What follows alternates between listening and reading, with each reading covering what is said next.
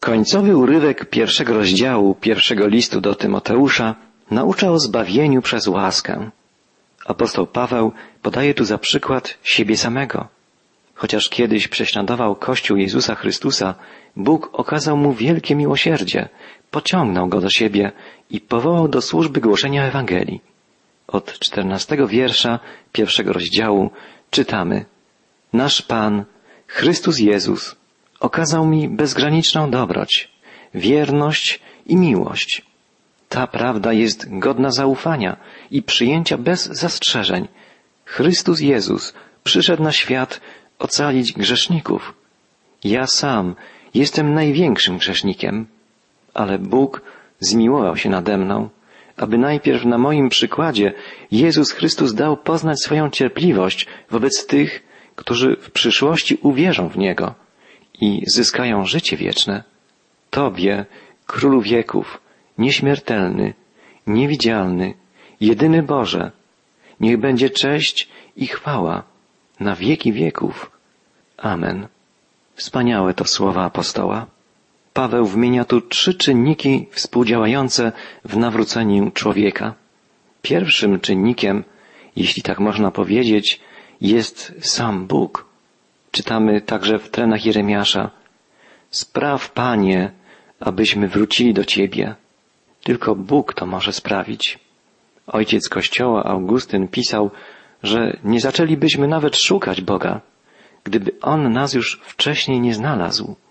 Pierwszy ruch pochodzi od Boga. Za pierwszym pragnieniem dobra u człowieka stoi Boża szukająca miłość. Drugim czynnikiem jest człowiek. Czytamy w Ewangelii Mateusza, jeśli się nie nawrócicie i nie staniecie jak dzieci, nie wejdziecie do Królestwa Niebios. Musi powstać odzew ze strony człowieka na wołanie Boga. Pan dał ludziom wolną wolę, której mogą używać albo do przyjęcia, albo do odrzucenia Jego propozycji, Jego miłości. I trzecim elementem jest działanie jakiejś wierzącej osoby. Przekonaniem apostoła Pawła było, że został on posłany, aby otworzyć ludziom oczy, odwrócić od ciemności ku światłości, od władzy szatana do Boga, aby ludzie dostąpili odpuszczenia grzechów. Tak wypowiedział się Paweł, jak czytamy w Księdze Dziejów Apostolskich. Zapisał to towarzysz jego podróży misyjnych, Łukasz. Jakub w swoim liście pisze, że kto odwraca grzesznika od jego błędnych dróg, wybawia duszę jego od śmierci i zakrywa mnóstwo grzechów. To wszystko nakłada na nas podwójny obowiązek. Istnieją określenia, że święty to taki człowiek, przez którego łatwiej jest wierzyć w Boga, albo człowiek, w którym widać żyjącego Chrystusa. Musimy dziękować za ludzi, którzy ukazali nam Chrystusa, których słowa lub przykład przyprowadził nas do Zbawiciela. Trzeba nam modlić się, żebyśmy i my stali się drogowskazami, wskazującymi innym Chrystusa. Podsumujmy więc, w procesie nawrócenia współdziałają ze sobą trzy czynniki. Boża inicjatywa, odpowiedź człowieka na Boże działanie i przykład dojrzałych chrześcijan. Apostoł Paweł, pisząc o swoim nawróceniu, szczerze wyznaje swoje grzechy. Pisząc o swoim życiu przed nawróceniem, używa najbardziej dobitnych, mocnych słów. Podkreśla, jak wiele krzywd wyrządził Kościołowi Chrystusa, zanim Jezus mu się objawił. Pisze, iż był bluźniercą. Wypowiadał gniewne i namiętne słowa przeciw chrześcijanom, oskarżając ich o zbrodnie przeciwko Bogu. Był prześladowcą. Chwytał się wszelkich środków dopuszczonych przez prawo mężeszowe, by niszczyć Kościół. Następne słowo, które pojawia się w greckim oryginale listu, to słowo gnębiciel, hybristes. Oznacza ono pewien rodzaj aroganckiego sadyzmu, opisuje człowieka, który potrafi zadawać cierpienie dla samej radości dręczenia. Odpowiadający mu czasownik hybris opisuje Arystoteles i tak go definiuje. Ranić i zasmucać ludzi w sposób ściągający hańbę na osobę zranioną czy zasmuconą, a przy tym zadając cierpienie i nie osiągając żadnych innych korzyści zwiększających posiadanie, prócz radości okrucieństwa własnego, a cierpienia drugiego człowieka. Oto kim był kiedyś apostoł Paweł wobec Kościoła Jezusowego. Nie wystarczały mu słowa obelżywe, chwytał się formalnego prześladowania, a gdy i tego było mu mało, dopuszczał się czynów sadystycznych i brutalnych w dążeniu do wytępienia wiary chrześcijańskiej. Paweł pamiętał o tym i przy końcu swych dni jeszcze uważał siebie za przywódcę grzeszników, za największego z grzeszników. Nigdy nie mógł zapomnieć, że był grzesznikiem ułaskawionym, ale też, że w ogóle był grzesznikiem. Dlaczego tak wyraziście widział wciąż swój grzech? Wspomnienie grzechów było najlepszym sposobem uchronienia go od pychy. Człowiek, który dopuścił się takich rzeczy, nie mógł być duchowo pyszny. John Newton, jeden z wielkich kaznodziei i autorów pieśni chrześcijańskich, w czasie gdy pływał po morzach jako handlarz niewolników, stoczył się na samo dno, ale kiedy stał się człowiekiem nawróconym i głosicielem Ewangelii, wypisał wielkimi literami i umieścił nad gzymsem kościoła taki napis. Pamiętaj, że byłeś niewolnikiem w ziemi egipskiej, a Pan, Twój Bóg, wykupił Cię. Ułożył także swój napis nagrobny. John Newton, urzędnik, niegdyś niewierny i rozwiązły, handlarz niewolników w Afryce, został przez miłosierdzie naszego Pana i Zbawiciela Jezusa Chrystusa zachowany, przywrócony. Został wyznaczony do głoszenia wiary, którą przedtem tak długo wyniszczał. John Newton nigdy nie zapomniał, że był grzesznikiem, któremu przebaczano. Tak samo nie zapomniał o tym nigdy apostoł Paweł. I my musimy pamiętać, że jesteśmy grzesznikami, którym Bóg przebaczył, grzesznikami, za których musiał umrzeć Boży Syn. Ta świadomość powinna chronić nas przed wszelką duchową pychą i powinna pobudzać nas do wytrwałej służby dla Chrystusa. Pamięć o popełnionych grzechach powinna rodzić w nas ciągle świeżą wdzięczność.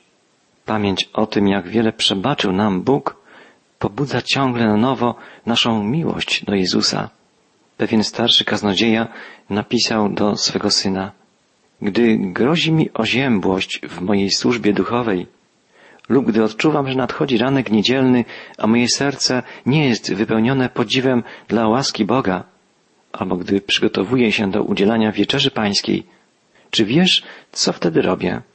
Zaczynam przeglądać grzechy mojego starego życia i zawsze wychodzę z tego przeżycia ze złamanym i skruszonym sercem, gotowy do kazania takiego jak na początku, kazania o odpuszczeniu grzechów. I dalej tak pisał w swoim liście do syna, nie przypuszczam, abym kiedykolwiek wszedł na ambonę bez zatrzymania się na chwilę, aby przeglądnąć moje grzechy, grzechy przeszłości. Abym nawet przygotował kiedykolwiek kazanie bez tego, by obejść stół i spojrzeć wstecz na grzechy mojej młodości i całego mojego życia, aż do tej chwili. A w wielu niedzielnych porankach, gdy moja dusza była zeschnięta i zimna przez zaniedbanie modlitwy w ciągu tygodnia, takie pielgrzymki w przeszłość, przed wyjściem na kazalnicę, zawsze łamały moje serce i tak przybliżały Ewangelię mojej własnej duszy, że mogłem dzielić się Ewangelią z innymi. Tak, kiedy wspomnimy, jak zraniliśmy Boga, jak ranimy serca tych, którzy nas kochają, jak ranimy wszystkich dookoła, kiedy wspomnimy, jak Bóg nam przebaczył, jak inni ludzie nam musieli wybaczać, to wspomnienia takie wzniecą w naszych sercach uczucie gorącej wdzięczności. Wspomnienie grzechu jest stałą podnietą do zwiększonego wysiłku. To prawda, że człowiek nigdy nie zarobi na Bożą przychylność, nie zasłuży na Jego miłość, ale również prawdą jest, że nigdy nie powinien przestać próbować uczynić coś dla okazania, jak bardzo docenia miłość i łaskę Boga, które uczyniły go tym, kim jest. Jeśli tylko kochamy kogoś, zawsze próbujemy okazać naszą miłość. Kiedy wspomnimy, jak bardzo Bóg nas miłuje, jak mało my na to zasługujemy, kiedy pamiętamy, że to za nas Jezus Chrystus został umęczony i cierpiał na Golgocie, Pobudzi nas to do wysiłku, który ma wyrazić wobec Boga nasze zrozumienie tego, co On dla nas uczynił, a Jezusowi Chrystusowi, że Jego ofiara nie była daremna. Wspomnienie przez apostoła grzechów miało być stałą zachętą dla innych. Apostoł Paweł posługuje się bardzo obrazowym językiem. Pisze, że to, co jemu się przytrafiło, było swego rodzaju schematem tego, co spotka w przyszłości wszystkich tych, którzy przyjmą Chrystusa. Apostoł używa tu greckiego słowa hypotyposis, oznaczającego zarys, szkic, schemat, model. Jak gdyby apostoł mówił, patrz, czego Chrystus dokonał ze mną. Jeśli taki człowiek jak ja mógł zostać zbawiony, to dla każdego jest nadzieja. Wyobraźmy sobie, że ciężko chory człowiek stoi przed niebezpieczną operacją. Największą zachętą dla niego będzie spotkanie drugiego człowieka, który właśnie przeszedł taką operację i wyszedł z niej uleczony. Apostoł Paweł nie przechwala się swoimi grzechami. Nie wspomina też o nich z powodu dręczącego go poczucia winy. On pamięta o nich, aby cieszyć się cudowną łaską Jezusa Chrystusa. W końcowym fragmencie pierwszego rozdziału pierwszego listu do Tymoteusza znajdujemy serdeczne wezwanie apostoła skierowane do Tymoteusza, duchowego syna Pawła. Czytam wiersz osiemnasty i dziewiętnasty. Kochany mój Tymoteuszu, daję Ci polecenie, abyś zgodnie z tym, co Tobie przepowiadano, toczył szlachetną walkę, zachowując wiarę i czyste sumienie. Niektórzy ludzie stłumili głos swego sumienia. Ich wiara uległa rozbiciu.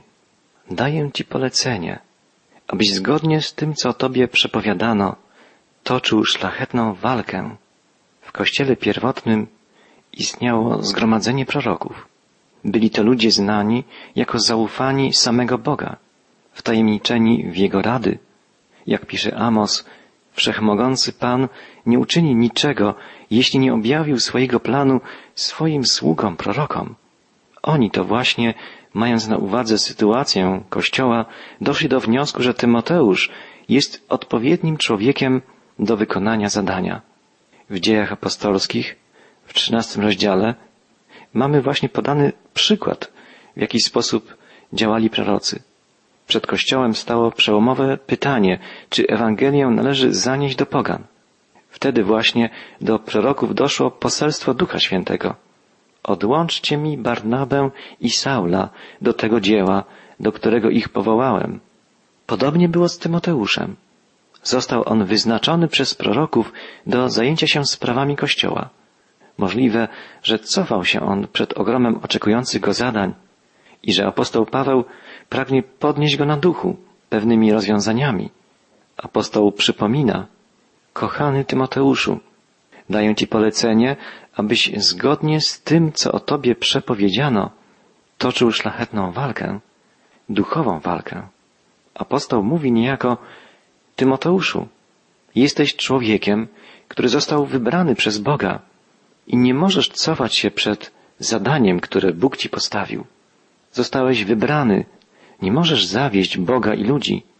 Do każdego z nas przychodzi Bóg z jakimś poleceniem. Bóg wybiera nas do wykonania różnych zadań. Jesteśmy wzywani do jakiegoś dzieła, do jakiejś pracy dla Niego. I wtedy nie wolno nam odmawiać. Po drugie, możliwe, że apostoł Paweł mówi tu Tymoteuszowi, pozostań wierny swojemu imieniu. Imię Tymoteusz Timotheos składa się z dwóch greckich wyrazów. Time, co oznacza cześć, i Theos, co oznacza Boga. Razem imię Tymoteusz, Timotheos, ma znaczenie chwała Bogu.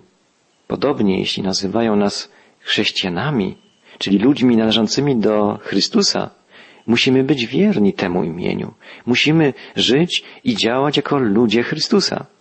Na koniec apostoł Paweł pisze, daję ci nakaz, poruczam ci ten nakaz w innym tłumaczeniu.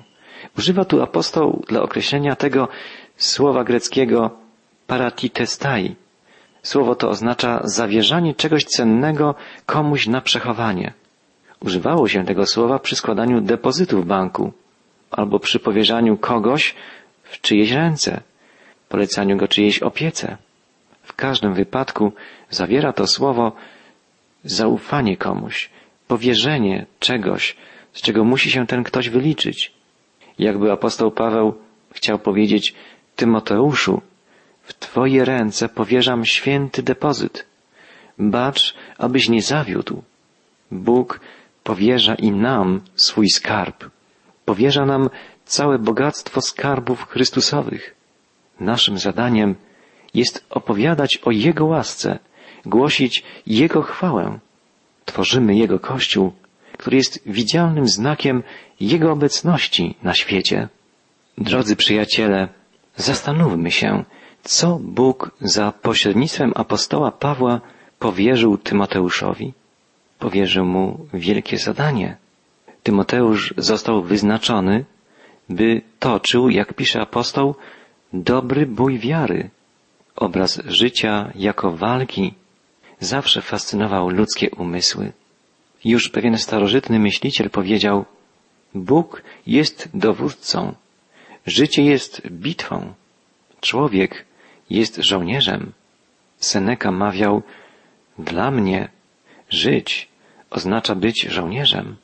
Jako chrześcijanie musimy zauważyć trzy rzeczy.